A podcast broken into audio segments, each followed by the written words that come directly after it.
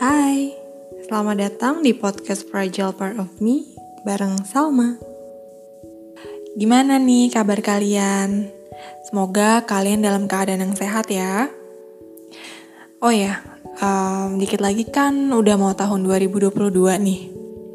Kalian udah move on belum sih dari masalah di tahun-tahun sebelumnya? Kalau misalnya belum, ya udah nggak apa-apa. Dijalanin aja, terus berproses ya buat healing, dan harus tetap semangat juga buat ngejalanin hidupnya. Ngomong-ngomong soal move on, gue mau cerita sedikit nih. Ini cerita soal gue yang susah move on dari suatu kejadian. Jadi uh, sebagai orang yang lumayan tertutup, gue ini susah banget buat uh, membagi cerita gue ke orang lain. Nah biasanya nih gue suka mengkotak-kotakan cerita gitu, kayak misal cerita tentang keluarga ke si A, terus cerita tentang kuliah ke si B dan lain sebagainya. Sampai akhirnya gue ketemu sama satu orang ini. Nah, sama dia nih gue bisa cerita segalanya gitu. Bisa dibilang dia orang pertama yang bisa bikin gue terbuka soal diri gue. Gue bisa jujur ke dia, cerita tentang sehari-hari gue kayak gimana, terus nyaman dan percaya sama dia. Tapi ada satu kejadian yang ngungkapin kalau uh, ternyata semua yang dia ceritain itu nggak bener. Nah dari situ gue ngerasa kecewa banget, gue ngerasa dibohongin gitu. Terus kayak gue nih udah berusaha nih buat terbuka dan jujur soal diri gue soal cerita-cerita gue. Tapi kok gue malah dapat feedback yang sebaliknya ya gitu. Nah dari kejadian itu tuh gue ngerasa punya masalah kepercayaan atau trust issue dalam beberapa waktu. Nah trust issue kalian pasti udah sering dengar kan trust issue ini apa gitu. Nah gue mau jelasin dari sudut pandang uh, psikologi. Jadi trust issue atau masalah uh, kepercayaan ini itu ketika seseorang susah buat percaya sama orang lain. Nah, ini tuh bisa ke keluarga, ke pasangan, pertemanan atau bahkan ke orang asing sekalipun. Biasanya masalah kepercayaan ini tuh muncul karena uh, pengalaman di masa lalu yang bikin sakit hati sampai ngebekas gitu atau bahkan sampai bikin trauma.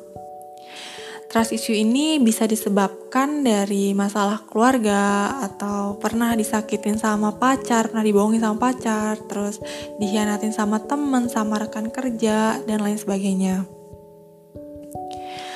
Terus ada beberapa tanda nih yang nunjukin kalau seseorang lagi ngalamin trust issue, yaitu selalu ngerasa curiga, tapi curiganya berlebihan gitu Orang yang punya trust issue ini biasanya ada ketakutan sendiri soal pengkhianatan. Dia tuh selalu mikirin resiko terburuk yang bisa aja tuh kejadian saat baru mau mulai hubungannya sama orang lain.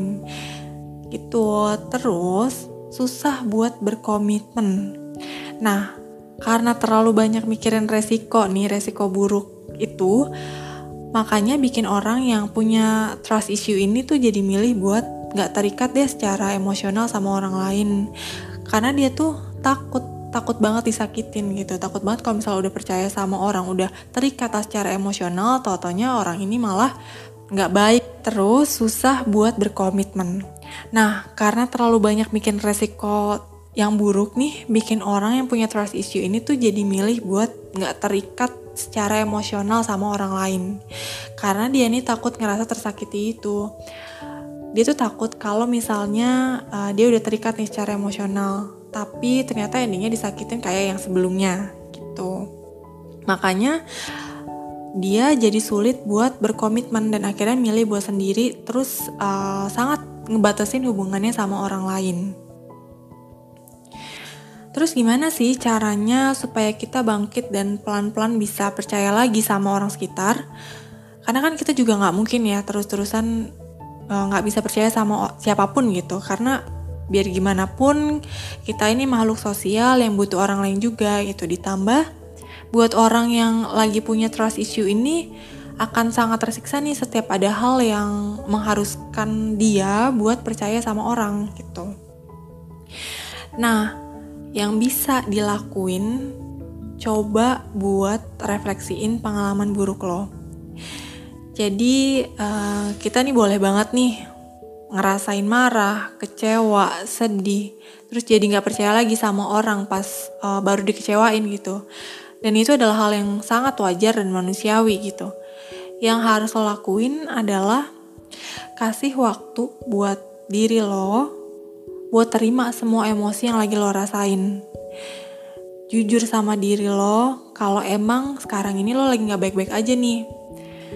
Terus setelah lo udah terima terus luapin dan jujur sama diri lo lo juga uh, harus mencoba buat terima semua yang udah terjadi gitu. Karena lo juga nggak akan bisa nih ngubah masa lalu lo gitu.